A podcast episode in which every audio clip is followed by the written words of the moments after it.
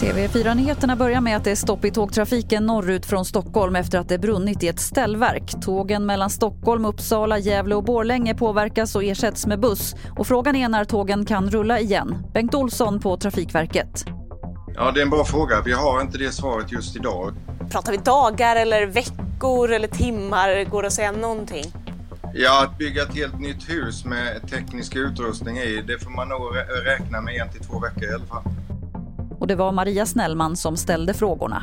Vid midnatt i natt släppte i princip alla coronarestriktioner för vaccinerade och i Malmönatten var det många som ville fira.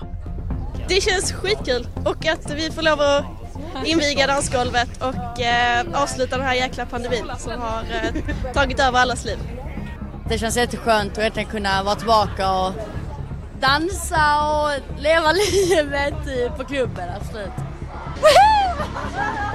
Jag ska dansa sönder. Det är det jag ska göra. Jag ska dansa. Och vi avslutar med OS i Peking för Sverige har tagit ännu en medalj.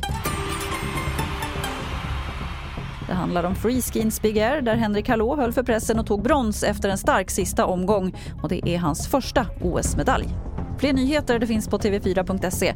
Jag heter Lotta Wall.